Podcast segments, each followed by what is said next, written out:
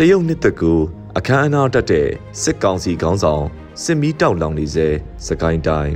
မြန်မာနယူးခရိုနီကယ်ဇန်နဝါရီ22ရက်နေ့မြင်ကွင်းအမည်ရတဲ့ဘိုးမခဆောင်ပါပဲဖြစ်ပါတယ်တရုတ်နှစ်သက်ကူနေ့ဖြစ်တဲ့ဇန်နဝါရီ21ရက်နေ့မှာတရုတ်တန်ယုံက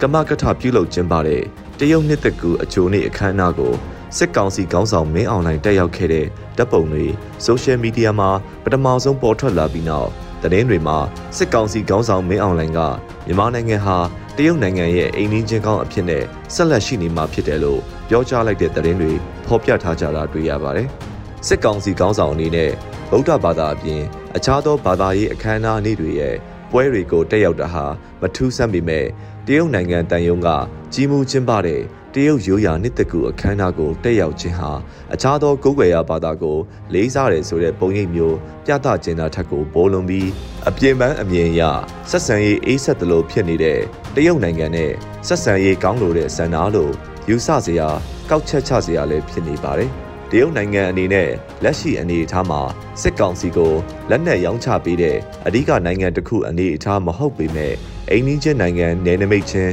ထိစပ်နေတဲ့နိုင်ငံ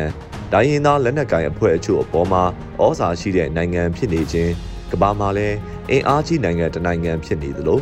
ကုလသမဂ္ဂလိုမျိုးမှာမြမအရေးနဲ့ပတ်သက်လို့အမြဲတမ်းလုံခြုံရေးကောင်စီဝင်ဖြစ်ခြင်းအနောက်နိုင်ငံတွေကိုစန့်ကျင်မဲတင်ပေးမဲ့ရက်တီချက်ရှိခြင်းတွေကြောင့်မြန်မာစစ်ကောင်စီအနေနဲ့တရုတ်ရဲ့အရေးပါမှုကို လစ်လျူရှုလို့မရတဲ့သဘောဖြစ်ပါတယ်။တစ်ဖက်မှာလည်းဒိုင်းရင်သားလက်နက်ကင်တချို့အပေါ်ဩဇာရှိခြင်းလက်နက်အကူအညီအထောက်အပံ့တွေပေးနေတာရှိတယ်လို့ယူဆခြင်းတွေကြောင့်စစ်အာဏာမသိမ်းမီနှစ်တွေကလေးက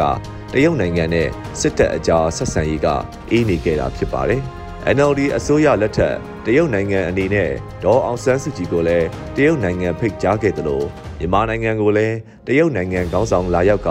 တဘောတူညီချက်33ခုလက်မှတ်ရေးထိုးခဲ့တဲ့အထိရင်းနှီးတဲ့ဆက်ဆံရေးတွေရှိခဲ့တာဖြစ်လို့စစ်အာဏာသိမ်းပြီးနောက်စစ်တပ်နဲ့တရုတ်နိုင်ငံအကြားဆက်ဆံရေးကခက်တန်းတန်းဖြစ်နေခဲ့တာအခုချိန်ထိဖြစ်ပါတယ်။တစ်ဖက်မှာတော့ မြန်မာနိုင်ငံအရေးမှာစစ်ကောင်စီရဲ့အာဏာသိမ်းမှုကိုစန့်ကျင်ကန့်ကွက်ကြတဲ့အနောက်နိုင်ငံတွေရဲ့ဥဆောင်နိုင်ငံဖြစ်တဲ့အမေရိကန်ပြည်ထောင်စုနဲ့တရုတ်နိုင်ငံတို့စန့်ကျင်ဘက်တစ်ဖက်စီမှာရှိနေခြင်းကလည်းစစ်ကောင်စီအနေနဲ့တရုတ်နိုင်ငံကိုမဟာမိတ်အဖြစ်ပေါင်းသင်းထားဖို့ကို လိုကိုလိုအပ်တာဖြစ်ပါတယ်။ရုရှားအနေနဲ့ယူကရိန်းစစ်ပွဲနုံမှာနစ်နေချိန်တရုတ်နိုင်ငံဟာကမ္ဘာအင်အားကြီးနိုင်ငံတွေထဲပုံမပြီးစစ်ရေးစီးပွားရေးခိုင်မာလာတဲ့အနေအထားလည်းဖြစ်တာကိုစက်ကောင်စီအနေနဲ့တတိမပြုမိပဲမရှိပါဘူး။ဒီအခြေအနေတွေကိုထောက်ချင်ပြီးစက်ကောင်စီအနေနဲ့တရုတ်နိုင်ငံကိုခါရဆက်ဆံတဲ့အနေအထားမဟုတ်သည့်တိုင်ကောင်းမွန်တဲ့ဆက်ဆံရေးထိန်းထားဖို့ယခုအနေအထားထက်ရော့ချမသွားအောင်စ조사နေတဲ့သဘောမျိုးလို့ယူဆရပါတယ်။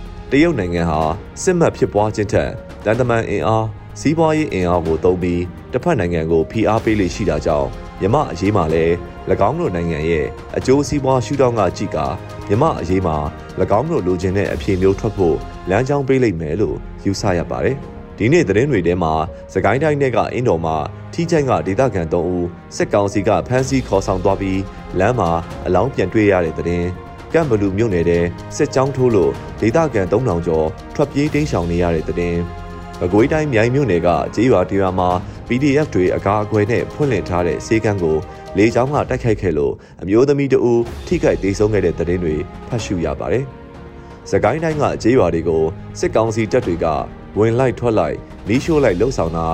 PDF လို့တန်တရားရှိသူသို့မဟုတ်ထောက်ပံ့သူလို့ယူဆကာ တပ်ဖြတ်တာတွေဖြစ်နေကြအဖြစ်ပြက်တွေလိုဖြစ်နေပြီးစကိုင်းတိုင်းရဲ့ကြေးရွာအများအပြားမှာနေ့စဉ်လိုလိုဖြစ်ပွားနေတာဖြစ်ပါတယ်။ဒီအချိန်တွေမှာဈေးရွာတွေရဲ့နေအိမ်တွေမိရှို့ခံရတာအခွင့်အလမ်းရော့နေအောင်အရက်သားဆုံးရှုံးမှုတွေတက်နိုင်သမျှမရှိအောင်လှုံ့ဆော်ကြဖို့အရေးတကြီးနီးလန်းရှာဖို့လိုအပ်နေပြီလို့ထင်ပါတယ်။ဒေတာကန်တွေအနေနဲ့စစ်အာဏာရှင်ပြုတ်ချရေးလှုပ်ရှားမှုကိုထောက်ခံတာမှန်ပေမဲ့အချိန်ကြာလာသည်နဲ့အမျှအသက်ဘေး ဘိုင်ဆိုင်တဲ့နေအိမ်ဆုံးရှုံးမှုနဲ့ရိတ်ခါဆုံးရှုံးမှုအသက်မွေးဝမ်းကြောင်းအလုပ်ဖြစ်တဲ့စိုက်ပျိုးရေးကိုမလုပ်နိုင်တဲ့အနေအထားကနေငတ်မွတ်မှုဘေးတွေအထိရောက်ရှိလာပြီးဒေါ်လာရေးကိုထောက်ခံအားပေးနိုင်တဲ့အင်အားတွေညော်နှဲလာမဲ့အနေရလဲရှိနိုင်တာဖြစ်ပါတယ်။ဒီလိုတပ်ဖြတ်မှုနီးရှို့ဖျက်ဆီးမှုတွေကစစ်ကောင်စီဘက်ကကျူးလွန်နေတာဖြစ်လို့၎